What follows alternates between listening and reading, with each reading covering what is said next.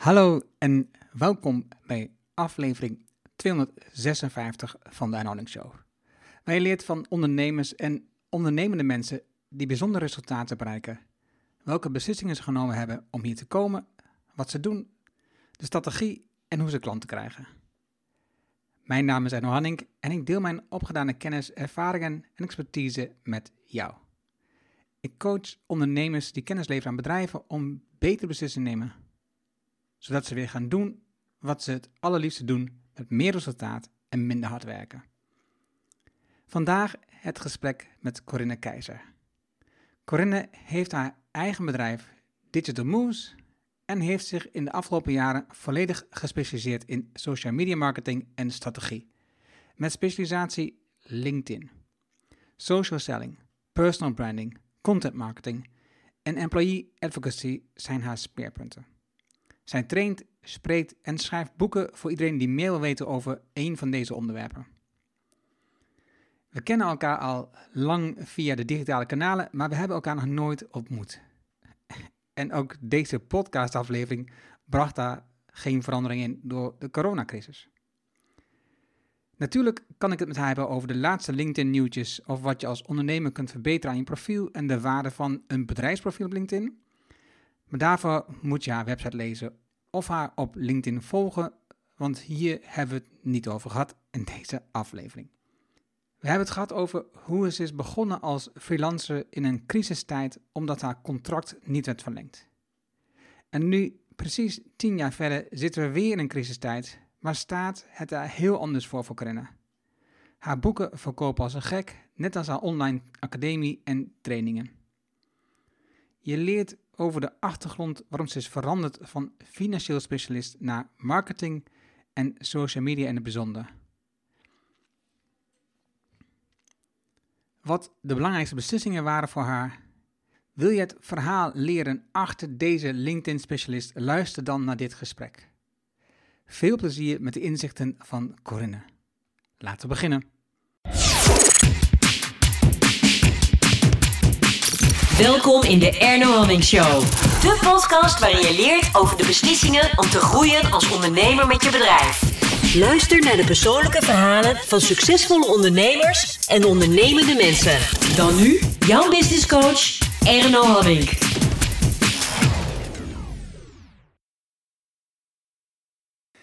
Ik zit vandaag met Corinne Keizer. En Corinne die ehm, kent iedereen waarschijnlijk al lang vanuit LinkedIn. Uh, daar is ze heel erg duidelijk aanwezig en zichtbaar. Ze heeft um, ehm, 20.000 volgers bijna op LinkedIn. Um, ze heeft 50.000 abonnees op haar e-mails die ze via haar website verstuurt. Uh, dus nou, als je haar niet kent, dan zijn dat twee fantastische kanalen waar je beter kunt leren kennen. Op, in ieder geval het gebied op social media en LinkedIn. Uh, daar hebben wij elkaar waarschijnlijk ook wel uh, ontmoet, digitaal zeg maar. We kwamen net de conclusie waarschijnlijk elkaar nog nooit live ontmoet. Twitter of LinkedIn, ja. Ja, en, um, ja, of Twitter, dat kan, dat kan heel goed, ja. Maar goed, je hebt je enorm gespecialiseerd in, in LinkedIn, dat is super duidelijk. Um, maar laten we eens even wat teruggaan. Um, en het grappige was, ik, ik, dacht ook aan een podcastopname met jou vanuit de uh, beeld dat je had gedeeld van, uh, van dit blad. Ja, basis. En dit, dit blad, uh, basis, daar sta je in met een interview en dat succesvol nemen met LinkedIn, maar dat was niet waar het mij om ging. Het ging over het verhaal dat jij bent gestapt met je bedrijf in een tijd van een crisis. Dus daar triggerde mij en toen dacht ik, oh, dat is wel gaaf om daar met je over te kletsen. Um, maar laten we even beginnen bij de opleiding, um, die ik in ieder geval heb gevonden van je. Is, um, je hebt de Haagse Hogeschool gedaan, commerciële economie. Klopt, ja. Hoe kwam je daar zo terecht? Um, nou, ik moet heel erg zeggen, ik, ik ben nooit fan geweest van school. Ik heb heel lang gedaan over het HAVO-papiertje. Ik was me heel erg bewust ervan dat ik een papiertje moest hebben. Maar um, ja, ik ben pas vrij laat uh, echt van school gekomen met allemaal deelcertificaten, uiteindelijk volwassen onderwijs. Um, ik vond werken leuker. Ik ben echt een praktijkmens. Dus ik ben op een gegeven moment HAVO-papiertje ben ik aan het werk gegaan. En ben ik bij banken terechtgekomen. Daar wilde ik op een gegeven moment hypotheekadviseur worden. En daar moest je gewoon een HBO voor hebben. Dus je loopt op een gegeven moment toch tegen die muur op dat je verder wil, maar niet verder kan. Dus ik heb uh, in 2001, moet ik goed nadenken, ja, 2001 is dat geweest. Ben begonnen met de HBO in mijn avonduurtjes om gewoon dat papiertje te halen. Die heb ik gelukkig uh, gehaald in 2005. En dat opende deuren. Dus uh, ik moet zeggen dat dat hele schoolpakket nog steeds heb ik zoiets van ja, ik, driekwart doe je nooit meer wat mee. Maar het heeft me wel heel erg geholpen om verder te komen. En ik ben uiteindelijk dus hypotheekadviseur geworden daardoor. Als je, dan zie je, um, als we het over keuzes hebben, dan zie je dus heel duidelijk dat dus een belemmering om een bepaalde kant te gaan zit misschien in het feit dat je niks hebt met leren. Dat je niet, dom bent, maar dat je gewoon niks hebt met leren.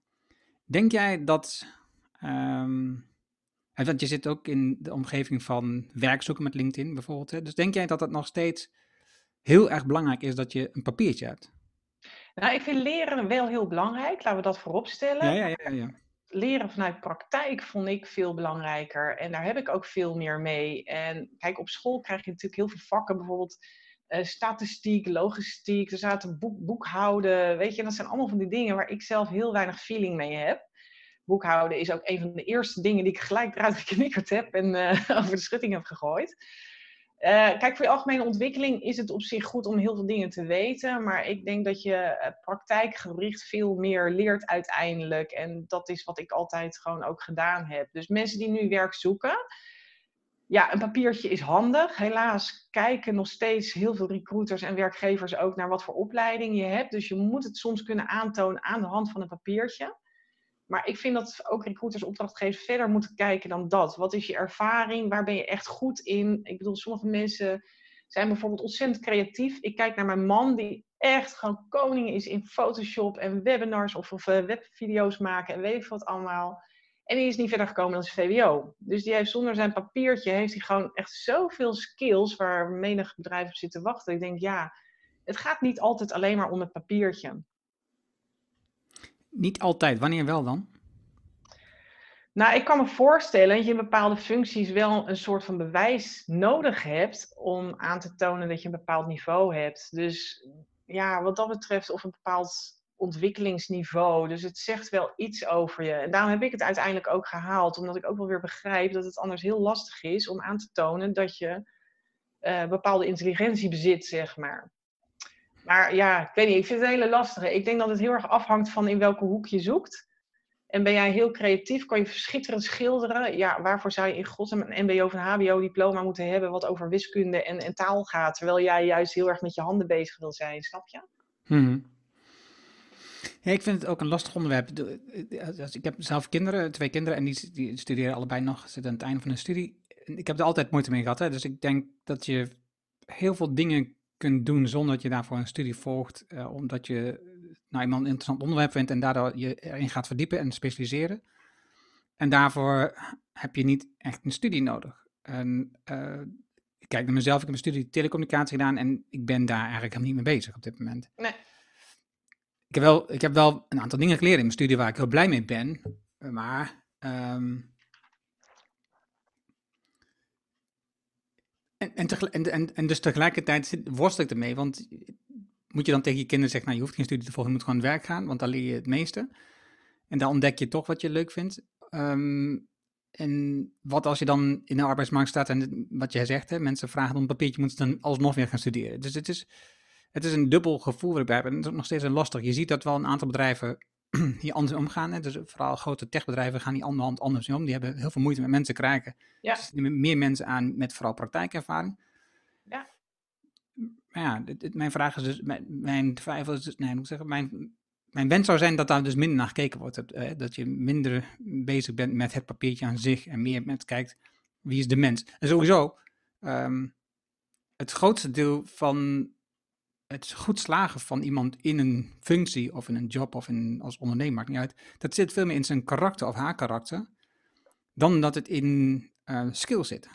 En dus als, je, als je een goed karakter hebt wat past bij de cultuur van het bedrijf, dan, kan, dan, kan, dan kun je daar dingen leren die je nodig hebt om het werk te doen wat je moet doen. Oké, okay, vooruit, de hele tijd ga ik kletsen.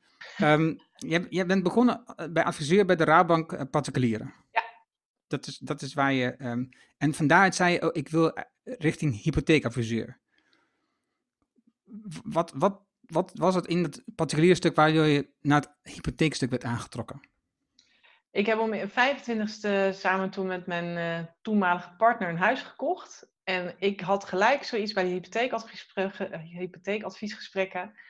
Dan, nou, dat lijkt me zo'n leuke baan. Dat lijkt me zo geweldig. Je hebt altijd blije mensen voor je. Ik had toen nog helemaal niet door dat je natuurlijk ook andere aspecten had. Maar het leek mij fantastisch om mensen aan een nieuw huis te helpen. En uh, ik werkte toen bij de Rabobank. Daar voelde ik me sowieso al heel fijn. Het is gewoon uh, ontzettend leuk werk altijd geweest wat ik gedaan heb. Mensen ook adviseren over de verzekeringen en over alle producten en diensten. Toen de tijd was trouwens ook een heel andere tijd hoor, moet ik zeggen. Beleggingen en, en sparen, weet je, dat was heel wat anders dan dat je het nu hebt.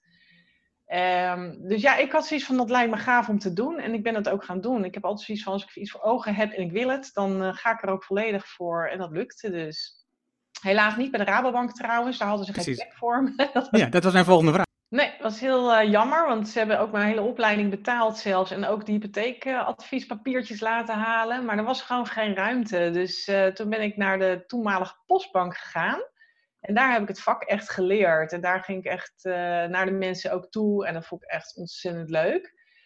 Um, na een jaar is wel toen mijn contract beëindigd. En ik moet heel eerlijk zeggen dat ik eigenlijk niet eens weet waarom. Dat is gewoon zo gelopen. Toen ben ik uh, als freelancer, of freelancer, of nee, hoe noem je dat? Um, de, goh, hoe noem je dat nou? Je, je wordt wel uitgezet door een bepaald bedrijf, niet als freelancer. Uitzendbureau. Zeg je? Uitzendkracht? Nee, niet uitzendkracht. Detachering. Ja, gedetacheerd. Dat is het juiste woord ook zo. Dankjewel. Ja. Dus ik werd gedetacheerd op een gegeven moment bij allerlei andere uh, hypotheekadviesbureaus. En daar zat onder andere ABN AMRO bij, maar ook een ander klein adviesbureau. Dus op die manier heb ik ook heel veel bedrijven leren kennen van binnen. Toen ben ik uiteindelijk geëindigd bij Vereniging Eigen Huis. Daar ben ik financieel specialist geworden. Daar begon ik op een gegeven moment ook mensen te helpen die problemen hadden met de hypotheken. Dus eigenlijk veel meer weer aan de voorkant. Um, daar maakte ik mee dat de iSafe-bank omviel, uh, de DSB omviel. Ik werd op een gegeven moment ook echt het aanspreekpunt voor mensen met problemen, die daar dus inderdaad een, een hypotheek uh, uh, hadden gestald en dan ineens, ja, dus ja, die hadden gewoon echt grote problemen daardoor. Warrig verhaal trouwens. Maar goed, wij Vereniging Eigen Huis, helaas toen brak de crisis uit. Hè. Dat is mijn laatste loondienstbaan geweest, waar ik echt heel ziek ben van geweest. Ik ben toen verhuisd naar Amersfoort. En dat was in 2008. En ik had een contractbespreking in oktober. Ik weet het nog heel erg goed. En toen kwam dus net precies op dat moment die financiële crisis. Die begon echt precies in die maand. Nou, dan heb je een interim manager, je hebt een jaarcontract. Ja, 1 en 1 is 2. Je krijgt nog één keer een jaartje erbij. Maar dan weet je al, dat is gewoon afgelopen. En uh, eind 2009 kon ik helaas mijn spullen pakken. En het was het einde verhaal. Ja, Even terug, want je, je, hebt een zestal jaar bij de Rabobank gezeten op de afdeling particulier. En dan um, zit je op verschillende momenten zit je bij verschillende uh, bedrijven om hypotheek. Eh, de postbank noemde je net bijvoorbeeld. Is dat dan voor jou een leukere ervaring dat je verschillende bedrijven ziet? Of is het leuker dat je langer bij eenzelfde bedrijf zit? Nee, ik ben altijd een jobhopper geweest. Ik uh, had heel erg behoefte aan, aan dynamiek en veel verschillende activiteiten. Dus ik bleef ook nooit ergens langer dan twee, drie jaar. Binnen de Rabobank was het heel leuk omdat je van kantoren kon wisselen. Dus dan zat ik weer bij stadskantoor en dan zat ik weer in een dorp. En ik heb zelfs bij een Rabobank gezeten waar ik elke dag op een ander kantoor zat. Dat was toen nog echt uh, tussen de boerenvelden met uh, gezellig koffiedrinkende mensen. Weet je, dat, dat was echt nog heel erg ons kent ons ook. Um, en op een gegeven moment gingen al die banken ook fuseren met elkaar. Dus dat kreeg ook een hele andere dynamiek, een hele andere sfeer. En ik weet, nu weet ik weer waarom de Postbank eindigde. Die ging over in de ING. Dus dat werd ineens ook een hele andere uh, sfeer en dynamiek. En volgens mij moesten er toen ook mensen uit. Dus ik heb ook een paar keer net op het verkeerde moment ingecheckt bij het verkeerde bedrijf. Waardoor ik ook weer met dezelfde vaart eruit ging dat ik erin kwam. Uh, ik heb daar nooit zo last van gehad, want ik vond het alleen maar leuk. Ik heb er echt ontzettend veel lol in gehad, heel veel bedrijven leren kennen. En na mijn laatste loondienstbaan had ik ook zoiets van, nou, dit past wel bij me, dat hoppen. Het ondernemerschap is echt puur per ongeluk uiteindelijk bij mij terechtgekomen, maar het, uh, het, het, past heel erg bij me. Ja, ja dat, zie, dat zie je ook in je, je profiel op LinkedIn. Er staan uh... 100.000. Uh... Precies, ik wou het niet zeggen, maar ja, in ieder geval veel functies. bij de Vereniging Eigen Huis, was je dus verantwoordelijk voor twee grote um, problemen, zeg maar, op dat moment in de financiële markt. Hè, de DSB-bank en IJs, uh, de, in, in, IJsland het verhaal. Ja. Wat, is, wat, is, wat, wat heb je daarvan geleerd? Wat was daar je belangrijkste les die je hebt over, over gehouden? Nou, wat mij heel erg opviel, ik was altijd al heel erg thuis in social media, media. Ik weet niet eens hoe het toen al social media heette, maar Twitter kwam toen net op. En ik had daar al een netwerk in opgebouwd met allemaal makelaars. En ik weet ook nog die oproep van, volgens mij heet die Lakerman, die dus oproep om het spaargeld van die DSB af te halen. En als ik een van de dingen nog heel goed kan herinneren, is dat ik ochtends op mijn werk kwam en dan mijn collega zei van, joh, er is een soort van run op dat spaargeld, wat gebeurt er? En toen keek ik naar Twitter en ik zag inderdaad iedereen oproepen, door dus die Lakerman, van jongen, Pieter Lakerman heet volgens mij, haal je geld van die bank af, want hij gaat omvallen. En dat, dat is binnen no time was dat gebeurd, waardoor die DSB dus ineens helemaal geklapt was. En toen had ik zoiets van, wow, dat is dus de kracht van social media. Er roept er eentje wat en de hele kudde die gaat erachteraan. Het gebeurt gewoon en er, valt gewoon een bank om. Dat was zo ontzettend heftig en bijzonder in die tijd. Ook al was het DSB, die natuurlijk toch wel wat, wat ja, dubieuze praktijken erop nahield. Um, het, het, was ontzettend indrukwekkend. Ik heb daar wel, uh, ja, ik vond dat heel, ik, dat heb ik wel meegenomen van die tijd. Mm -hmm. En van iSafe?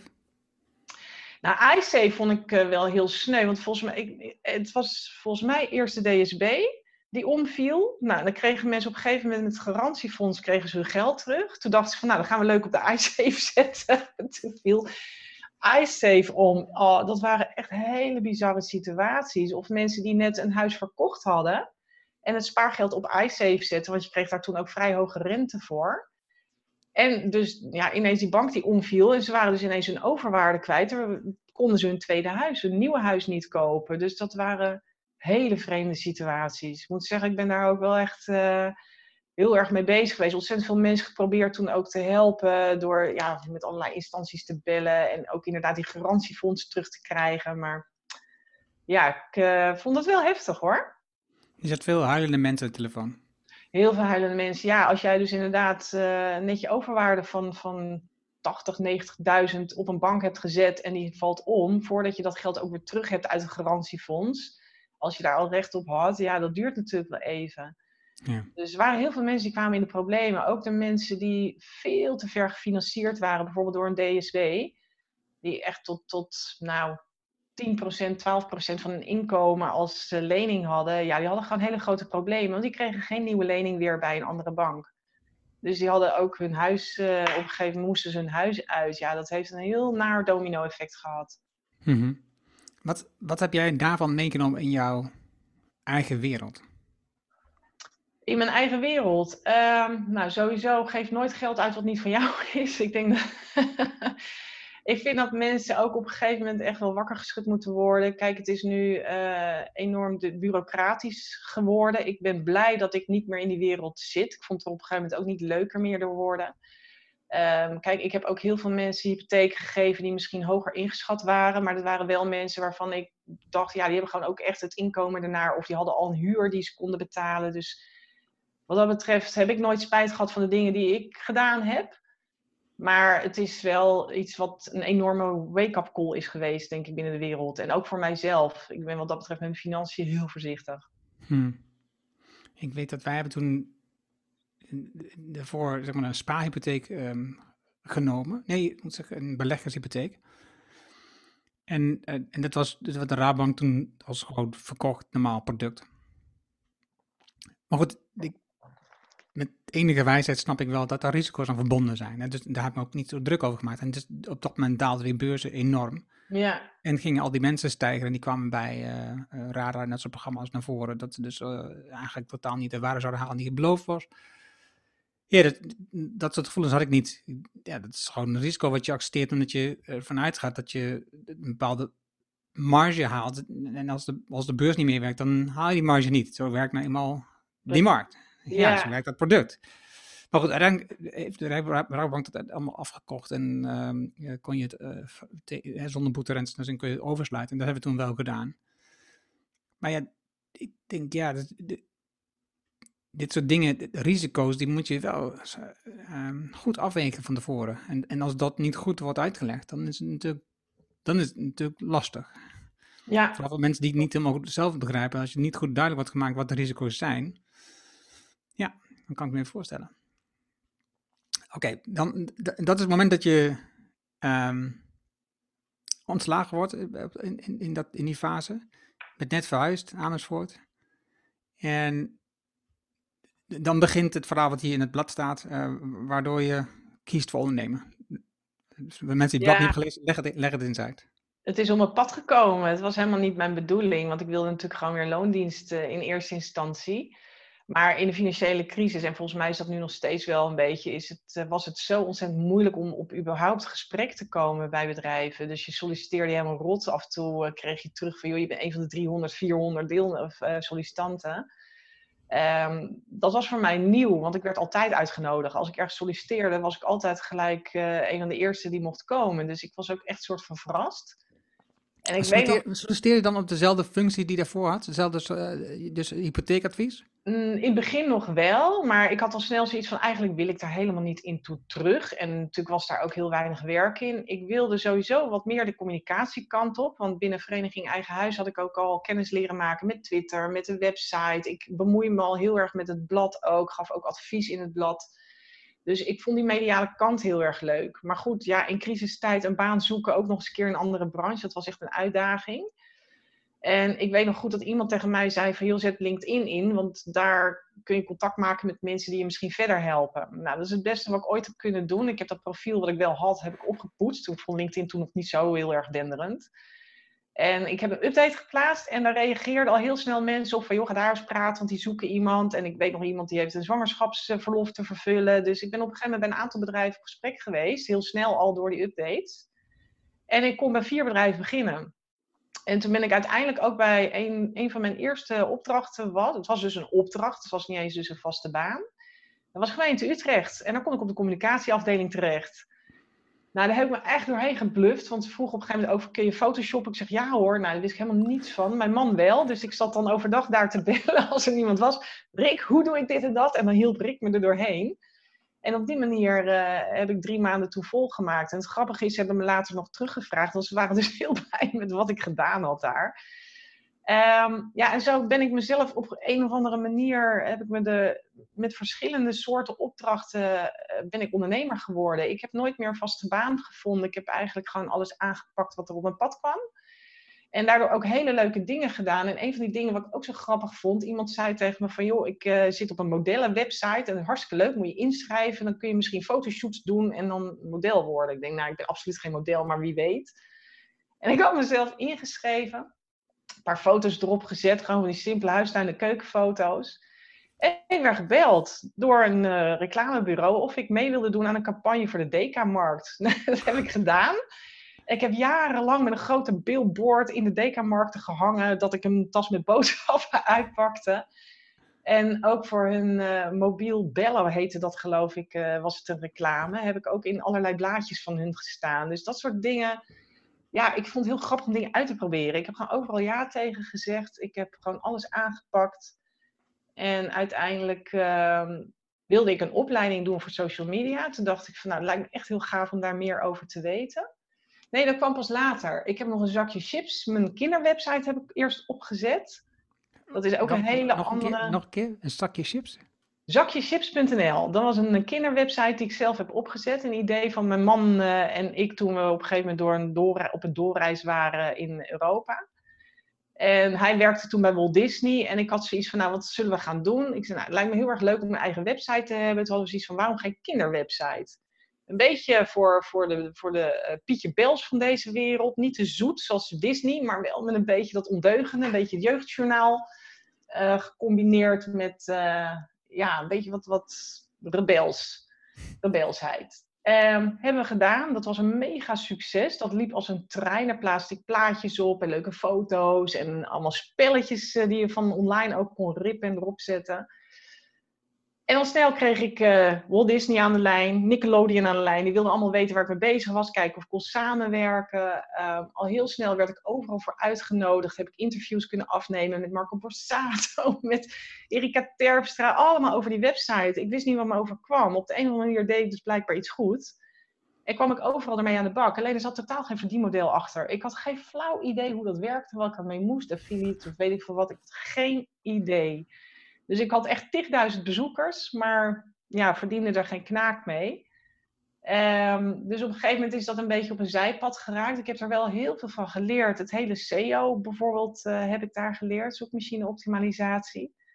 En wat ik ook geleerd heb, is dat je al vrij snel via die social media kanalen dus ook echt die bekendheid kan genereren. Daar had ik al heel snel door van oké, als je iets roept op Twitter of op Facebook, of Hives destijds nog, ja, dan krijg je ineens boom, een enorme exposure. En mensen pakten het heel snel op. Dus het is wel grappig dat dat een beetje de aanloop is geweest in waar ik nu sta. Hmm. Ja, want je bent wel gek van ehm, in de media zijn. Zo, zo, zo, zie ik dat van de afstand. Dus ja. SBS 6, de shownieuws, wat je ook gevraagd en dat soort dingen. Dus, allemaal, ja. Ja. ja. Eh, die website, wat, heb, wat, heb je, wat, was, wat was je doel? Het was gewoon puur een leuke website maken. Ja, in eerste instantie wel. En uiteindelijk was het wel het doel om daar ook iets mee te gaan verdienen. Alleen ik had werkelijk geen idee wat. En toen er tijd was er niet iemand die mij daarin kon helpen. Of ik heb dat ook niet zelf opgezocht. Ik zag het meer ook als een soort leerproces. Ik vond het onwijs leuk om te doen. Ondertussen bleef ik wel solliciteren. En het was ook op een gegeven moment meer een soort van bijzaak, zeg maar. Dus uh, ik vind, eigenlijk vind ik het wel jammer. Ik denk als ik het nu zou hebben, het kwam te vroeg als ik het nu zou hebben, zou het misschien wel groot zijn geworden.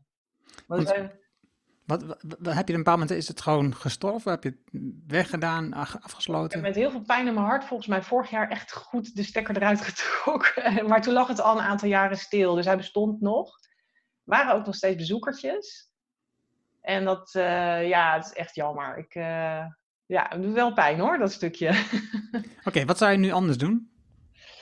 Um, nu had ik veel meer nagedacht over een verdienmodel. Dus dan had je echt kunnen kijken bijvoorbeeld naar Google AdWords, maar ook gewoon um, ja, misschien producten of diensten die je eraan had kunnen koppelen voor verkopen. Er zijn natuurlijk nu veel meer dingen bekend, dus dan had ik het heel anders uh, gedaan. Kun je... Wel op dezelfde manier ingericht, maar niet... Uh... Kun, je, kun je nu een website voorstellen die je nu zou bouwen, waarvan je denkt dat dat levert, daar levert wat op? Zo'n website? Ja, zo'n zo'n eh, een website waarmee je een markt aan boord waarmee je geld kan verdienen?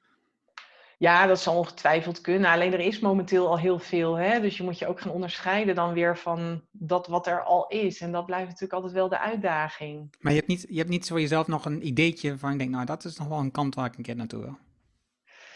Nee, ik richt me nu vooral op de online videotrainingen. Dus dat is voor mij, uh, vind ik, een, een leuk verdienmodel. Omdat ik het ook leuk vind om te doen. Dat is dus ook weer die kennisoverdracht, maar dan online. Dus daar zijn we nu ook heel erg mee bezig.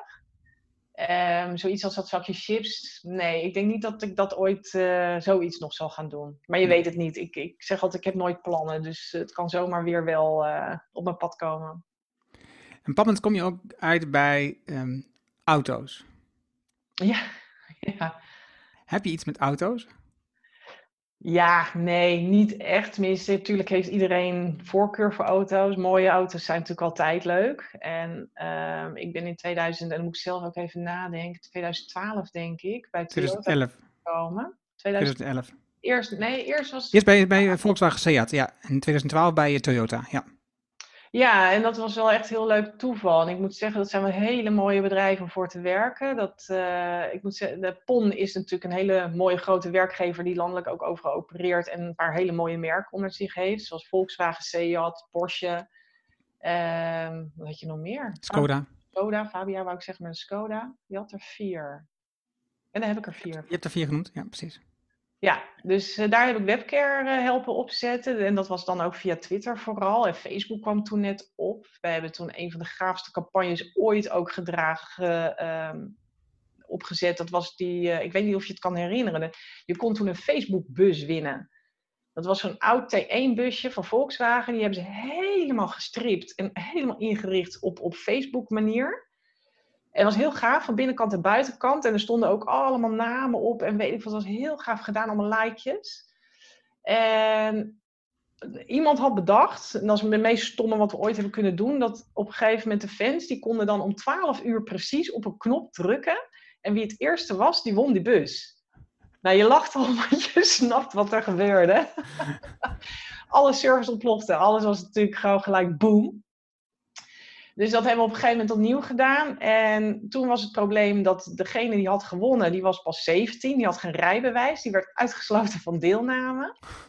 En toen hebben we dus de prijs aan nummer 2 gegeven. Maar het probleem daarmee was, dat was een meisje. En het was echt fantastisch. Het was echt een surfmeisje. Die wilde met haar vriendinnen naar Frankrijk om te gaan surfen. Dus dat busje, dat past ook helemaal bij haar.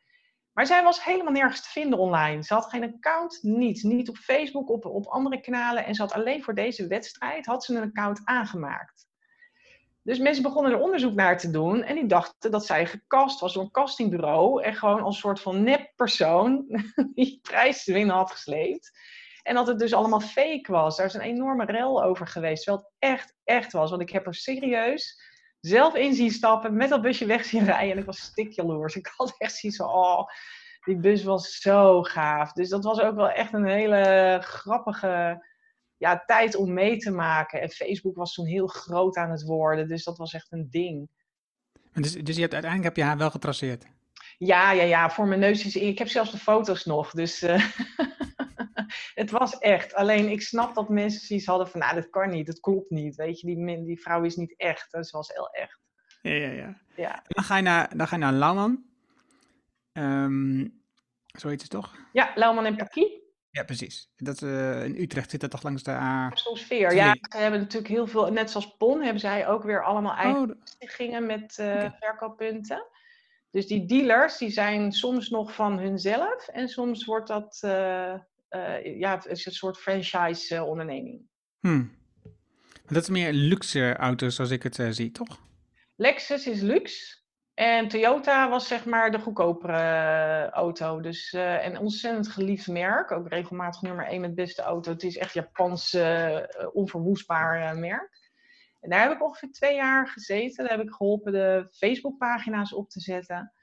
Ja, mega leuk. Mega mooi bedrijf. Hele leuke collega's. Ontzettend gaaf om ook die beginperiode weer mee te maken. Dat, ja, alles was nieuw. Dus je probeerde ook heel veel dingen uit. En ja, het was gewoon doen. Ja. Ik kreeg ook heel veel vrijheid. Dus dat was binnen het bedrijf heel gaaf. We konden ook echt heel veel. Uh, we hadden geen budget. maar we konden wel heel veel doen. Waarom had je geen budget dan? Ja, social media werd op dat moment gewoon nog niet zo heel erg serieus genomen. Dus er ging wel echt tonnen naar marketing. Maar social media, ja, je mocht blij zijn als je dan een paar duizend euro per jaar los kon peuteren. En dat was dan voornamelijk bedoeld om video's te maken of een keer een fotograaf in te huren. En voor de rest moesten we het echt hebben van ons creativiteit. Nou ja, en dan hebben ze gelukkig ook wel heel veel mooi beeldmateriaal al liggen. Dus ze hadden echt een beeldbank en een oud archief waar ik regelmatig in zat te snuffelen. Maar ook als ik op de weg een, een leuke auto zag rijden met iets bijzonders, nou hup, fotootje maken. En dat ging dan op Facebook. Weet je, dat, dat werkte op die manier. Of mensen oproepen van, joh, heb jij iets eh, leuks te melden over je auto? Ehm, we hebben de kilometerloterij hebben op een gegeven moment gedaan. Dan kon je een uh, prijs winnen met je kilometerstand. Dat werd dan gewoon uh, als soort lotnummer gebruikt, weet je. Dat soort dingen verzonnen. Of raad de uitlaat.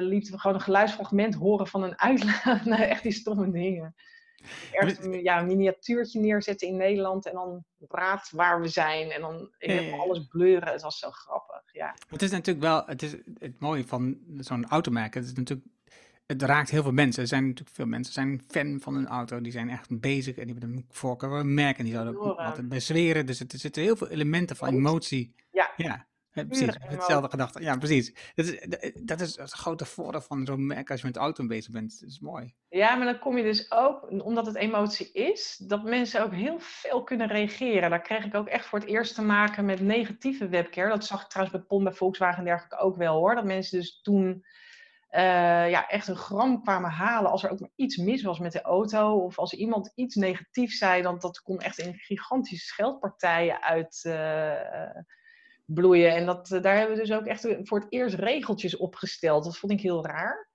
Maar dan moesten we een soort van huisregels opmaken om mensen dus een beetje tot bedaren te dingen. Dat ze niet inderdaad elkaar eh, volledig voor rotte vis uitscholden. Wat, wat, is, wat heb je daar het belangrijkste meegenomen dat je die negatieve webcare, wat, wat, is, wat heb je daarvan geleerd? Uh, dat je altijd moet reageren. Mensen volledig negeren is fileren, zeg ik altijd. Dan kreeg je er helemaal van langs. En um, wat ik een hele goede ook vond op een gegeven moment. Als je iets verwijdert, mensen maken overal screenshots van. We hadden op een gegeven moment een, uh, een actie gehouden. En iemand had mij het verkeerde lijstje met namen gegeven. En dat lijstje had ik al gepubliceerd als winnaars, een top 10. En ik had het gepubliceerd en ik krijg echt een, een paar seconden daarna van shit, verkeerde lijst. Ik heb het gelijk eraf gehaald. Maar ja, mensen hadden het al gezien. Die hadden er screenshot van gemaakt. Dus dat werd ook een enorme rel. Want die eisten hun prijs op. Nou, wat ik geleerd heb, is dat je daar dus nooit tegen in moet gaan. Gewoon zeggen, jongens, alsjeblieft, jullie krijgen allemaal een prijs. Want je wint het niet meer. Mensen zijn op dat moment gewoon stevast uh, ja, overtuigd van dat zij de winnaar zijn. En dat er gesjoemeld wordt. Dus uh, dat hebben we ook, ja, dat, dat zijn van die leermomenten, weet je. Dat, dat neem je gewoon mee voor de rest van je, van je carrière. Ja, want hoe ga, je, ga ik kan me ook voorstellen, je bent heel erg zichtbaar op LinkedIn. Social media in het algemeen, maar LinkedIn in het bijzonder. Eh, en ik, ik kan me niet anders voorstellen dat je daar ook negatieve reacties krijgt. Nee, ik zelf gelukkig niet. Heel af en toe is er iemand die het niet met me eens is, maar dat vind ik prima. Weet je, ik eh, zeg ook altijd, eh, ik sta altijd open voor discussie en mag je mening hebben. Ik hou alleen niet van respectloos gedrag. Dat bij mezelf gelukkig komt nooit voor. Um, ja, soms zie je het op Twitter nog wel eens voorbij komen. Ook op Facebook zijn mensen nog wel eens om een merk af te branden. Ik denk dat we die tijd ook wel een beetje voorbij zijn. De meeste bedrijven hebben goede webcare. Als je een probleem hebt, leg het gewoon bij hun neer. En ga niet aan publiek iemand af zitten zeiken. Ik denk dat dat... Ja, daar zijn we echt wel een beetje volwassener in geworden. En uh, ik moet zeggen, ik heb zelf ook nog wel eens de, de neiging hoor, van iets gaat niet goed. Wat doe je? Je gooit het op social media neer. Maar ik doe tegenwoordig wel met een andere tone of voice. Meestal betrek ik gelijk het bedrijf erbij. Van joh, uh, weet ik veel wat, uh, noem maar wat bedrijf, Rabobank of weet ik veel wat. Joh, dit gaat niet goed. Uh, kunnen jullie me verder helpen? En vroeger had je de hashtag veel. Ik weet niet of je dat nog kent. Hmm. En dat, op een gegeven moment werd het te veel veel. Iedereen was alleen maar aan het zeuren en aan het zaniken. En je merkte ook gewoon dat er een bepaalde sfeer kwam. Maar dat begon op een gegeven moment ook te draaien. Mensen begonnen elkaar ook terecht te wijzen. Van joh, dat bedrijf heeft een, een goede webcare, richt je gewoon tot hun en hou op met zeuren. Dus je begon te merken dat het social media kanaal een soort rel- zelfregulerend systeem werd. Mhm. En dat zag ik in die autobranche ook. Af en toe dan zat er iemand, je hebt altijd een paar mensen die continu terugkomen met, met ja, punten, waarschijnlijk gewoon op zoek naar aandacht. En je merkt op een gegeven moment dat de omgeving daarop begint te reageren. Dan hoef je zelf niet eens meer wat te doen. De rest heeft zoiets van, joh, hou nou maar eens een keer je mond. Ze hebben gereageerd, weet je. Uh, neem gewoon met ze zelf contact op als je nog iets hebt. Dus dat vind ik wel mooi hoe dat gegroeid is ook. Merk jij, ik heb zelf ook meerdere LinkedIn trainingen gegeven. En ook überhaupt social media met veel, met Facebook en Twitter. En ik ben altijd heel erg open. Zet altijd je foto erop. Um, Dat je, je gezicht goed zichtbaar is, dat mensen je goed kunnen herkennen. Um, en de, wat, wat ik snap, het, wat ik te horen kreeg soms, dat voor een vrouw is het anders. Dus op het moment dat je bijvoorbeeld als vrouw foto staat op LinkedIn, dat mensen je gewoon uitnodigen omdat je een vrouw bent. Niet omdat ze het interessant vinden, uh, dat je met je wil connecten of wat dan ook. Ze vinden het gewoon omdat je een vrouw bent. Merk je dat zelf ook? Nee, ik heb er gek, gek genoeg, ik heb er niet zo last van. Ik weet niet wat het is. Ik ga ook altijd het gesprek aan. Op het moment dat iemand in mijn netwerk wil, dan vraag ik ook altijd van, joh, uh, hartstikke leuk dat je me uitnodigt, maar wat is de reden? En op het moment dat ze zegt van, ja, je hebt zo lekker bekkie op je foto, ja, is het voor mij gelijk klaar. Ja. Uh, het komt niet zo vaak voor. Als het wel voorkomt en iemand is echt duidelijk uit op uh, andere dingen dan, dan netwerken zakelijk, dan uh, rapporteer ik hem. Dat kun je doen bij LinkedIn. LinkedIn wil dit zelf namelijk ook niet. Het is geen Tinder, het is geen dating site, het is gewoon een serieuze professionele site. Het is een netwerkplatform. Dus ik ben daar ook heel simpel in. Ik lig er ook niet wakker van. Ik heb ook zoiets van jongens, het bestaat nou eenmaal. Doe er niet te moeilijk over rapporteren en next. Mm je, hebt um, in die afgelopen jaar veel gewerkt voor allerlei verschillende bedrijven. Uh, wat je al zegt, veel, van veel dingen geproefd en getest en uitgeprobeerd. Je hebt heel veel dingen ja gezegd. Ben je nu voorzichtig in het ja zeggen tegen projecten? Nou, je krijgt op een gegeven moment wat meer voorkeur. Uh, op zich vind ik nog steeds eigenlijk heel veel dingen leuk. Dus ik proef nog steeds van heel veel bedrijven. En het, het gaat van links naar rechts, van zorg tot, tot dik commercieel, uh, overheid. Ik kijk wel altijd even of het echt wel bij mij past. Ik werk ook met partners die soms ook bepaalde voorkeuren hebben. En als ik denk van ja, dit vind ik zelf gewoon niet zo'n leuke branche, dan vraag ik of een van mijn partners het wil doen omdat hij het wel leuk vindt. Ik vind het ook belangrijk dat je bepaalde feeling hebt, gewoon ook wel met, uh, ja, de, de, materie. Want je moet natuurlijk op een gegeven moment ook voorbeelden gaan zoeken. Ja, als je daar al zonder energie in zit. ja. je dat ook zonder energie eruit. Dus ik ben daar wel wat selectiever in. Maar ik, ja, ik vind zoveel dingen leuk. Het is zo gaaf om als je dan in die industrieterreinen komt, je vraagt je altijd af wat gebeurt er achter die deurtjes. En nu kom je dus achter die deurtjes. En soms dan zitten daar dingen achter. Ik had op een gegeven moment ook een fabriek in fleslift, uh, zeg, uh, liftjes voor, liften voor flesjes. Nou, ik weet niet eens dat het bestond, maar dat zijn dus gewoon heel simpel liften om flesjes snel in een uh, fabriek van beneden naar boven te krijgen. Dus dat draait dan zo rond.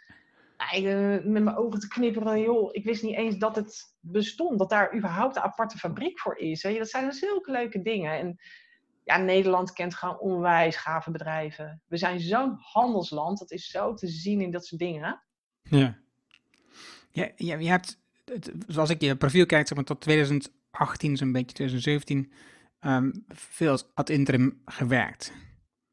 En ben je met digital moves meer je eigen bedrijf geworden? Dat je echt gewoon een eigen product hebt?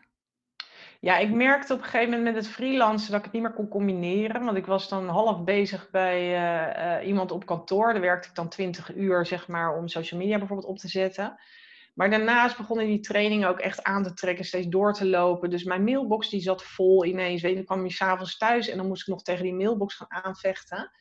Uh, en ook nog eens een keer die trainingen inplannen en voorbereiden. Dus ik heb op een gegeven moment had ik werkweken van nou, 60, 70, soms 80 uur ik ben ook echt in een dikke burn-out terechtgekomen in 2017. Dat heeft me wel genekt. En toen heb ik ook gezegd van ja, dit kan ik gewoon niet meer allemaal tegelijk doen. Hoe leuk ik alles ook vind, ik moet keuzes maken. En toen heb ik gezegd van ik stop met het freelancen. Ik ga me nu echt richten op de trainingen. Ik, uh, een van de beste dingen die ik gedaan heb is Sanna aan te nemen. Een virtual assistant. Die is nu virtual manager ondertussen. Die regelt mijn hele back-office. Die doet lekker mijn administratie. Ik heb een boekhouder. Die doet mijn hele boekhouding. Dus ik richt me nu op de dingen die ik echt zelf leuk vind. En dat, uh, dat merk ik. Ik ben er echt helemaal uitgekomen. Ik heb een, uh, uh, toevallig vorige week vrijdag geslaagd voor diploma NC1. Dat is een neurowetenschappelijke opleiding op gebied van breinkennis. En daarmee heb ik mezelf ook echt weer compleet hervonden. En ik leer mensen ook beter kennen daardoor, omdat je hun beter snapt. Omdat je het brein ook beter leert snappen. Dus ik heb paar hele mooie stappen gemaakt de afgelopen drie jaar. En ja, nu komt deze crisis, dat is dan wel weer jammer. Ja. Het, het ging net zo onwijs lekker. En dat komt vanzelf wel goed. het is gewoon even... Maar even terug naar het 2017 verhaal. Je hebt verteld van een burn-out, dat is iets wat ik niet wist. Um, wat waren de signalen als je nu achteraf terugkijkt waarvan je denkt, oh, daar had ik, daar had ik eerder kunnen ingrijpen? Ja, die burn-out bij mij is iets van niet de laatste jaren. Dat is opgebouwd, denk ik, al vanaf mijn, jaren twintig. Ik denk dat ik altijd doorgedenderd ben. En uh, ik vind te veel dingen leuk. Ik zeg overal ja op. En af en toe dan, ja, dan loop je gewoon klem. En je stapt er gewoon veel te makkelijk overheen. Uh, wij gaan heel vaak echt op grote reizen, grote vakanties. Dus heeft daar ook niet mee te maken. We hadden ook echt reizen gemaakt naar Australië, Nieuw-Zeeland, zes weken lang, weet je. Dus daar heeft het niet mee te maken. Je pakt op zich dan wel je rust. Maar het is vooral ook de rust in je hoofd. Je moet op een gegeven moment ook bepaalde dingen um, ja, loslaten, vind ik niet het goede woord. Je moet vooruitkijken en niet continu maar terugpakken op wat er in het verleden gebeurd is. Uh, dat heeft met privé te maken, maar ook met zakelijk. En jezelf weer hervinden en gewoon vooral je richten op dingen waar je energie van krijgt. Ik had ook heel veel mensen om me heen die heel erg energie opslokten. Ja, dat was heel moeilijk. Daar heb ik echt afscheid ook van genomen. En um, dat heeft ook met, met werkzaamheden te maken die je niet leuk vond, die je uiteindelijk dus uh, afgeketst hebt. Um, ja, je moet echt met je. Het is gewoon een hele natuurlijke rem. Ik vond het op zich niet eens ook erg. Ik zie het nu ook als een positief iets op dat moment zelf natuurlijk niet, hè, want dat is natuurlijk een vreselijke uh, situatie. Maar het heeft mij wel heel erg weer teruggebracht naar wie ik ben. Mm-hmm. En daarom zeg ik van het is een enorme wake-up call geweest, op tijd ook. En uh, ik heb er gelukkig uh, ja, ook het positieve uit weten te halen. Oké, dan heb ik een paar nieuwe vragen. hoe, lang, hoe lang heeft de burn-out geduurd? Ja, dat vind ik heel lastig te zeggen. Ik denk dat ik er al heel lang in zat. Mhm. En op het moment dat ik het echt erkende, dat ik zei van oké, het is zover. Um, ja, vanaf toen heeft het nog een klein halfjaartje geduurd. Ik ben twee jongens op pad gekomen, nou wat ik net al aangaf, uh, op gebied van neurowetenschap, zeiden zij van joh, wij kunnen jou er heel snel uithalen door gewoon puur alleen maar jezelf beter te leren begrijpen, je brein beter te leren lezen. Uh, en dat klopte ook. Het heeft daar ook heel erg veel mee te maken. Het heeft heel erg te maken met de hele opbouw van jouw zijn. En dat zit in de eerste zeven levensjaar. Jouw hele archiefkast, hoe je nu handelt. 95 tot 98 procent doe je onbewust. En dat is 80 procent opgebouwd in je eerste zeven levensjaar. Dus je doet heel veel dingen als volwassene met een kinderbrein. En daar zit vaak bij mensen het euvel, of daar zit het euvel. Je krijgt 50% mee vanuit je DNA, 50% opvoeding. En als jij uh, alleen maar aan de slag gaat met de symptomen, dus de, de gevolgen, dan ga je er nooit uitkomen. Je moet terug naar die oorzaak. En dat betekent dat je bepaalde snelwegen hebt aangelegd in je hersenen, bepaalde gewoontes. En die kun je pas afbreken op het moment dat je nieuwe gewoontes gaat aanleren. Dus je moet voor jezelf gaan verzinnen van, hé, hey, waar krijg ik energie van? Wat vind ik leuk? Hoe ga ik het doen?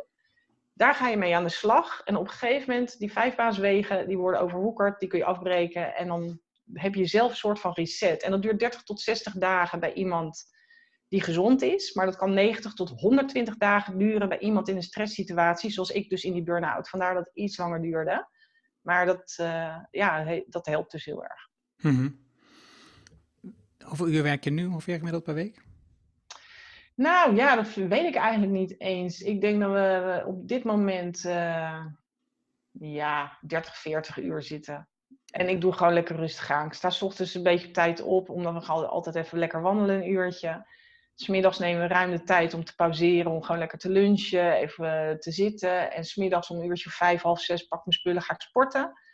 En heel af en toe vind ik het s'avonds weer lekker dat ik denk van nou, ik pak het weer even op. Weet je, als je een schrijfbui hebt, dan uh, kruip ik achter de computer. Maar alles gaat gewoon in een hele natuurlijke flow op dit moment. En dat geeft wel heel veel rust. Maar duidelijk is dat je in ieder geval heel veel andere momenten inbouwt om je uit het werk te halen?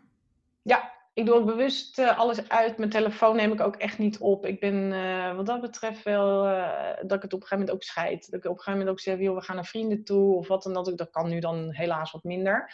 Maar alles gaat uit en ik heb vrij. Ik ben er ook niet. En dan mag of Sanne het doen of, of de voicemail of de mailbox. Maar ja, ik laat me niet meer gek maken. Ja, en ik heb twee vragen die zijn een beetje verschillend, dus ik moet even onthouden. Um, eerste vraag, wat, wat, heb je nou, wat heb je vooral veranderd in je werk sinds dat je de nieuwe inzicht hebt gegrepen? Wat heb je in je bedrijf veranderd? Ik ben voor mezelf vooral heel erg structuur gaan zoeken. Ik was altijd van, oh, dit is leuk, doe ik nu. Oh, wacht even, maar dat komt er tussendoor en dat werkt niet. Ik kan geen twintig dingen tegelijk, trouwens niemand niet. Het bestaat niet multitasken. Je kan wel heel kort achter elkaar opdrachten vervullen. Vrouwen zijn er dan ook weer iets beter in. Maar ik merk gewoon dat ik met een vaste agenda, waar ik echt een blok uh, in afblok wat ik ga doen, dat dat veel beter werkt. Dus als ik een blog wil schrijven, is het soms wel lastig. Of aan mijn boeken wil werken, omdat je echt wel een schrijfbui moet hebben. Dat, dat komt er dan wel eens tussendoor. Maar voor de rest um, heb ik echt vaste dagen dat ik training geef. Tenminste, dat probeer ik op die vaste dagen te houden. Tenzij een opdrachtgever daar echt vanaf wil wijken. Maar meestal doe ik dat op dinsdag, donderdag, heel soms de woensdag. En op vrijdag doe ik de koffiedates, weet je, dan ga ik uh, netwerken, ga ik een beetje de administratie wegwerken. En op maandag en uh, op woensdag doe ik dan ook de trainingen voorbereiden. En daar heb ik dus echt blokken voor afgeblokt. En dat werkt bij mij heel erg goed. Gewoon veel meer rust in mijn hoofd. En ook het gevoel van, oh, het hoeft nu niet, ik heb dat dan ingepland. Gewoon een duidelijke structuur. Ja. En je zit je zegt, hè, dus, eh, dus ik, ik sluit me af, de telefoon gaat uit, allemaal dat soort dingen. Dus, dus ik kan op dat moment ook goed ontspannen. Maar dan zit je op een platform als LinkedIn, daar ben je super actief. Ja. Je hebt 20.000 volgers, dus ik kan me niet anders voorstellen dat regelmatig opmerkingen in je inbox, die plaatsen natuurlijk updates die wilt dat mensen gezien worden, dat mensen op reageren. Daar reageer jij weer op, want ja, hoe meer je reageert, hoe meer reacties je krijgt. Hoe doe je dat dan? Heb je daar ook blokken voor gereserveerd? Nou, sowieso heb ik mijn pushmeldingen niet aanstaan. Sowieso niet van Twitter, Facebook of wat dan ook. Doe ik niet. Daar begin ik niet meer aan, want dan word het helemaal gek gemaakt. Uh, WhatsApp-groepen bijvoorbeeld zet ik ook altijd gelijk op stil. En als het gaat om het reageren, ik probeer mezelf dus inderdaad te dwingen om daar niet naar te kijken. Het is soms wel lastig, want als ik met trainingen bezig ben, moet ik LinkedIn open houden. En inderdaad, dat rode cijfertje lonkt, weet je, je wil weten wat er wordt gezegd. Maar ja, je hoeft niet altijd à la minuut te reageren. Het is soms dat ik wel met een scheef oog even kijk van... hé, hey, zit er iets bijzonders tussen? Maar over het algemeen probeer ik het te negeren. En als ik niet met een training bezig ben, maar ik ga echt schrijven, gooi ik het uit. Dan gaat hij bij mij ook alles uit. Dan gaan al die kanalen eventjes uh, op slot. En dan kom ik later wel weer. Ja, ik, ja, ik geloof ook heilig in die strategie voor duidelijkheid. Dus, uh, ja, je moet wel, weet je, op een gegeven moment ben je 24-7 bezig met social media. Ik merkte, mijn man zit ook in de social media. Je hebt het op een gegeven moment ook over niets anders meer dan social media. Nou, dat is niet goed. Ja. Dat werkt gewoon op een gegeven moment ook averechts. Dus, uh... Ja. Um, je bent tot 20.000 volgers gekomen. Wat heb je vooral gedaan om dat voor elkaar te krijgen? Want ik, heb, ik krijg dus uitnodiging en de meeste daarvan accepteer ik. Heb jij ook zo'n strategie? Uh, ja, maar ik ben wel selectief. Mensen geloven het niet, maar ik ben echt selectief. Bij mij kom je niet altijd zomaar erin. Op het moment dat iemand mijn uitnodiging stuurt, dan wil ik ook echt dat contactmoment. Voor mij begint namelijk de verbinding van die zakelijke relatie op het moment dat je elkaar toevoegt in het netwerk. Dus ik ben niet iemand die ze achter elkaar maar op stapel gooit. Want uh, uiteindelijk heb je dan ook niet zoveel aan die relaties. Voor mij is het belangrijk dat ik even iemand ja, kort leer kennen. En het hoeft helemaal niet lang hoor. Het is vaak eventjes gewoon een berichtje heen en weer. Soms kijk ik naar profiel, denk ik, hey, er zitten echt hele leuke dingen in. Dan wil ik gewoon wat meer weten van zo'n persoon. Um, dus op het moment dat iemand niet reageert, dan laat ik je ook niet toe. En als iemand gelijk begint met van joh, je moet mijn bedrijfswebsite even kijken, want ik heb hele leuke dingen aan te bieden, dan heb ik ook zoiets van ja jongen, sorry, maar zo werkt het bij mij dus niet. Ehm, en er zijn gewoon mensen die gebruiken uitnodigingstoeltjes. Dus ook dat soort mensen en fake profielen tackle je op het moment dat je even dat, dat, uh, dat gesprekje aangaat. En dan hoef je hem dus niet zwaar aan te tillen. Maar op die manier uh, krijg ik sowieso trouwens ook hele leuke reacties en vaak ook leads. Dat, uh, er zijn mensen die zeggen, oh ja, ik ben toevallig net op zoek naar iemand die LinkedIn training geeft. Maar ik krijg soms ook gewoon hele leuke gesprekken, waardoor je uiteindelijk ook bij elkaar die gunfactor gaat creëren. Want ik leer jou kennen en dan vind ik het ook leuk als ik jouw updates zie, om daar mezelf ook eventjes uh, in te mengen en jou uh, update te liken of er een reactie op te geven. Dus je, je gunt elkaar ook meer uiteindelijk hoop ik altijd dat ik mensen ook offline ontmoet. Dan ben je nog meer betrokken bij elkaar. Ja, hoeveel ik er van die 20.000 echt ken, poh, geen idee. Ik denk dat het er wel 10.000 zijn, maar voor mij begint een relatie ergens offline of online. En dat loopt dwars door elkaar heen. Maar het begint altijd met een gesprek. Op een mhm. evenement doe je dat ook, online doe ik dat dus ook. Mm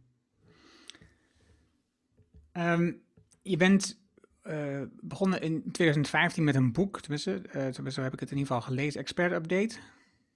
Nee, dat is een platform, een samenwerkingsplatform geweest met uh, een paar andere experts. Maar dat is alweer een tijdje uit de lucht, ja. Ja, dat weet ik, dat weet ik. Maar een bepaald moment, over die boeken, want op een bepaald moment ga je schrijven. En ben je nou begonnen met een, ben je nou begonnen met een uitgever? ja, ik ben in 2000 eind 2012 heb ik mijn eerste gratis handleiding LinkedIn uitgebracht. Dat heb ik gewoon zelf gedaan. En ik denk dat daardoor uiteindelijk een uitgever bij mij terechtgekomen is van joh, zou je ook iets over Facebook willen schrijven en dan onder onze vlag? Heb ik gedaan, Facebook voor ondernemers. Daar zijn twee edities van uitgekomen, een heel klein boekje en een wat uitgebreidere versie. Maar ik lag al vrij snel in de clinch met die uitgever. Want wat ik merkte is dat zij heel weinig doen op het gebied van marketing en social media. En ik liep maar te trekken en te duwen. En je krijgt uiteindelijk een euro voor dat boekje als het verkocht wordt. Terwijl zij de rest in hun zak steken. Dus ik vond die verhoudingen compleet scheef. Ik vond dat hij veel te veel kreeg voor, voor wat hij deed. En ik wilde eigenlijk gewoon het boek ook veel meer uh, naar voren brengen. En zeker op de online kanalen. Dus uiteindelijk in 2017 gezegd van weet je wat, we gaan het gewoon zelf doen. En ik ben toen Tjerk Noordraven op het pad gekomen. Een jongen die uh, heel veel wist over het uitgeven van een eigen boek. Die had daar zelfs ook een boek over geschreven. Dat heb ik helemaal uitgeplozen en ik ben het gewoon allemaal zelf gaan doen. En hij is ook uiteindelijk mijn redacteur geworden. Dus uh, ik heb zelf een team van specialisten ook weer verzameld. Iemand voor het DTP-werk, iemand voor de redactie, de eindredactie, de hoofdredactie. En ik moet zeggen, het is het beste wat we hebben kunnen doen. Want daardoor hebben we gewoon helemaal eigen controle over die boeken. We kunnen het maken zoals we zelf willen, de kaft zoals we het zelf willen. En ja, de wereld voor ons is online. Kijk, schrijf je een roman, dan is het een ander verhaal. Maar met dit soort boeken, ja, is jouw, jouw hele klandizie zit al online. Dus uh, wat dat betreft is het gewoon een hele goede zet geweest. Ja, ik mag ze tenminste nu ook gewoon lekker weggeven, weet je, dat komt toen Ja. ook. Ja, ja, ja, dat is allemaal ingewikkeld. Ja, ik herken het heel erg, het proces. Ja, Wat, wat, is nu... Wat is je volgende stap? geen idee. We zijn nu heel erg bezig met video. Eh, daar is nu de tijd voor. Hè? Dat hele coronatijdperk, dat heeft ons ook eh, heel veel dingen die bleven liggen, nu eindelijk ook door doen eh, zetten. Ik heb mijn eigen videotraining platform, dat willen we veel meer gaan uitbreiden. Ik heb nooit echt een plan, maar ik vind reizen gewoon heel erg leuk. We hebben vorig jaar ook twee maanden in Australië gezeten. En ik zeg ook van hoe gaaf is het dat je kunt zeggen, we gaan daar op een gegeven moment een half jaar zitten. En we doen ondertussen wel ons werk, maar ik wil ook dat land verder ontdekken. Het is zo ontzettend mooi daar. Dus dat is wel een beetje de droom. Alleen ja, hoe dat nu gaat met de corona en het vliegverkeer. En ik weet het allemaal niet. Het is eh, iets wat, wat, ja. We hebben ook drie kittens ondertussen hier lopen. Dus daar kan ik ook niet zomaar afscheid van nemen. Ehm, ja, ik, ik doe het zolang ik het leuk vind. En wat er op het pad komt. En als er morgen iets op mijn pad komt dat ik denk van wow, dat vind ik gaaf. Ja, dan heb je best kans ik ineens weer een hele andere draai ga maken ik wil in ieder geval veel meer ondernemers gaan helpen. Dat is wel mijn. eh, ik heb ook echt terug zitten kijken de afgelopen tien jaar. En toen dacht ik van ja, ik wil daar gewoon wat mee. Dat, dat hele proces ook. Weet je, er zijn heel veel mensen die stoeien met hun online activiteiten, maar überhaupt ook hun ondernemersactiviteiten. Nou, ik heb nu die NCE, eh, dat, dat papiertje, die, ik mag ook al coachen daarop. Dus die breinkennis wil ik ook misschien gaan combineren meer met het ondernemerschap en met die digitale kennis. Maar het is nog niet echt een plan. Het is gewoon meer een, van ja, wie weet. Ja, ja, ja. Ehm, als jij... Mm, Lees je veel? Lees je veel? Online lees ik heel veel. En op vakantie zijn het voornamelijk boeken. Maar eh, ik lees wel veel, ja. Oké. Wa- Wat is een boek wat jij... Wat de laatste maanden de meeste impact over je heeft gehad... of wat je het meest hebt weggegeven, be- behalve je eigen boek? Behalve mijn eigen boek. Ehm, ik heb nog steeds op de bank liggen Ikigai. En daar ben ik mee bezig, omdat ik dat gewoon heel interessant vind. En wat ik onwijs leuk boek vond, is ehm, De monnik die zijn Ferrari verkocht. Waar gaat het over? Het gaat over een eh, monnik die verkocht. Nee, dit is een kerel die op een gegeven moment het monnikschap eh, ingaat. Hele, even uit mijn hoofd, want het is al een tijd terug dat ik het gelezen heb. Ik dacht dat hij advocaat was. Ontzettend goed verdienende advocaat of zakenman. En die gaat op een gegeven moment het monnikschap in, ik geloof in Tibet of Nepal. En daar ja, leert hij eigenlijk alles van de monniken om gelukkig te zijn. En het zit vol boodschappen. Het is eigenlijk een beetje mindfulness. En ja, ik heb daar heel veel aan gehad in de tijd dat ik een burn-out had. Het heeft mij heel erg eh, handvatten gegeven en tips gegeven om ook jezelf weer terug te vinden. En eh, uiteindelijk ga je dan alsnog aan de slag met het gevolg. Dus wat dat betreft zeg ik nog steeds, ga eerst eens even dat brein onderzoeken hoe dat zit. En wat je, wat je dus inderdaad eh, anders kunt doen. Maar het is een heel mooi boek om je, om je verder te helpen in je proces. En weet je, geld maakt niet gelukkig, maar het is wel hartstikke handig. Ze zeggen ook niet van eh, je, je moet alles loslaten en zeker niet materialistisch zijn. Maar je moet wel goed gaan nadenken wat jou gelukkig maakt. En is dat inderdaad het werk wat je nu doet? Is het het geld wat je verdient? Of is het echt de zelfvoldoening die je uit jezelf haalt? haalt. Dus het gaat vooral om die zelfintrinsieke eh, motivatie en je zelfbeschikking, wat je, wat je terug moet gaan zien te vinden. Hmm. Wat, is, wat is voor jou... eh, ik moet de vraag even inleiden. Je, hebt een, een billboard ter beschikking. En sorry, wat? Billboard. Billboard, ja. Levensgroot of digitaal, maakt niet uit. Maar in ieder geval, er komen miljoenen mensen voorbij. En eh, wat, zou, wat voor een quote zou daar voor jou op mogen staan die niet commercieel is? Die niet commercieel is. Ehm, ja, blijf je dromen najagen. En pak je kansen. Zeg gewoon een keertje ja tegen iets waarvan je eigenlijk denkt: nee, dat maakt juist je leven zo leuk. Ik heb dingen gedaan dat ik denk van, ach, dat ik dat durfde. Ehm, een heel mooi voorbeeld is, ik was op een gegeven moment in Zwitserland, midden in de Alpen. En daar had je een bungee jump van 190 meter de diepte in. Dat was echt bizar. Echt midden in een, in een eh, ja, ravijn, hoe zeg je dat? Eh, Tussen twee bergen in. Er was helemaal niemand. Ik was de enige samen met mijn man en twee van die gasten die me dus inderdaad hielpen in Zwitser-Dutch om, eh, om die sprong te gaan maken. Nou, ik heb nooit zo gebibberd. Ik heb na heel veel nadenken en, en wachten en aftellen van de jongens, ben ik eindelijk die sprong gaan maken. En ik weet nog goed dat Pim Fortuyn toen net overleden was of doodgeschoten was. Uh, dat was de avond ervoor en ik weet nog dat ik sprong en dat ik dacht van oké, als het misgaat, Pim, ik kom je achterna. Heel stom, je gaat heel rare dingen denken. Het grappige is, ik heb daarna echt nog twee uur na zitten trillen en ook gedacht van ik ben hartstikke gek, ik doe het nooit meer. Maar het heeft mij geholpen in heel veel dingen in het leven. Het is voor mij een soort grens geweest die ik over ben gegaan. En elke keer, ook als ik voel grote zalen spreek, want ik vond dat echt vroeger dood en tegenwoordig gaat het gelukkig wat makkelijker. Ik denk heel vaak terug aan dat moment en denk het is nooit zo eng als dat. Je krijgt dan op een gegeven moment een, soort van, oké, weet je, ik ga er gewoon voor, want wat kan me gebeuren? Dus doe dingen juist die buiten jouw gewone uh, ja, dingen liggen en, en, en pak gewoon kansen aan en doe gewoon eens een keer gek. Doe eens een keer gek. Is er nog iets wat je kwijt wilt, Corinne? Um, nou, iedereen die, die luistert, um, wees jezelf, doe gewoon, durf gewoon en ga ergens voor als je het wilt. Ik weet zeker, en dat heeft ook weer heel erg met je brein te maken, als jij iets als, als, um, als doel hebt, kun je het bereiken. Er is gewoon bijna niets wat je daarvoor in de weg kan liggen, behalve jezelf. Dus ga ervoor. Durf te doen, durf ook fouten te maken. Ik bedoel, ga een keer op je bek. Nou, maakt niet uit. Pak jezelf weer bij elkaar en ga gewoon door. Mooi.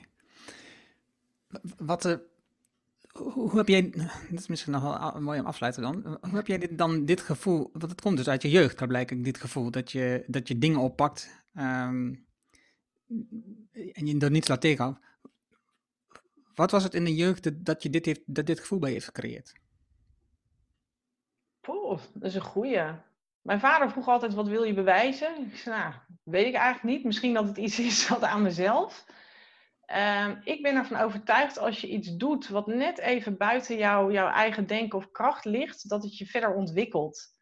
Ik vind het heel belangrijk ook om vooruit te gaan. En als je altijd, er is een heel bekende spreuk, als je altijd doet wat je altijd gedaan hebt, zul je ook nooit meer krijgen dan wat je nu krijgt. En ik denk juist door af en toe die stap meer te nemen of ergens een grensje over te gaan, dat je jezelf ook prikkelt en daar ook door verder komt. En ja, ik ben iemand, ik hou ook van dynamiek, ik hou ook van veranderingen. Wat mij betreft mag het elke dag anders zijn. Dus op die manier ja, kom ik ook vooruit. En ik denk dat dat ook wel belangrijk is voor mensen die dat zelf ook willen. Mm Oké, laatste vraag is dan, waar kunnen mensen jou het beste bereiken? Het beste bereiken? Nou, mijn website natuurlijk, corinnekeizer.nl of op digitalmoves.nl. En als ze een mailtje sturen, info.digitalmoves.nl. Maar natuurlijk ook op LinkedIn, Corinne Keizer, Twitter, Facebook.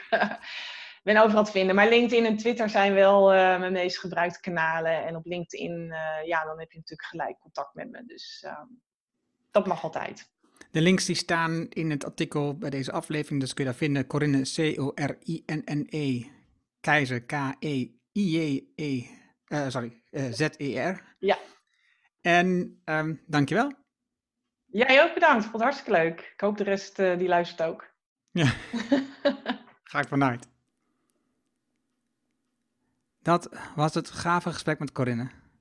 En je vindt de namen en links die we noemden in het artikel dat bij deze uitzending hoort. Ga daarvoor naar ernehanning.nl slash show 256. Wil je automatisch vanzelf de volgende aflevering van deze podcast op jouw telefoon?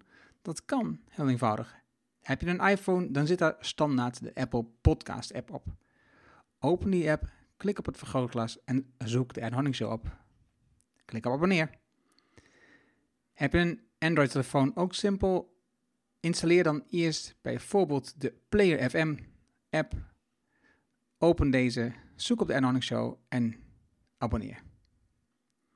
Heb je vragen of opmerkingen over deze afleveringen met Corinna of over de podcast in het algemeen? Stuur dan een e-mail naar podcast.ernohanning.nl.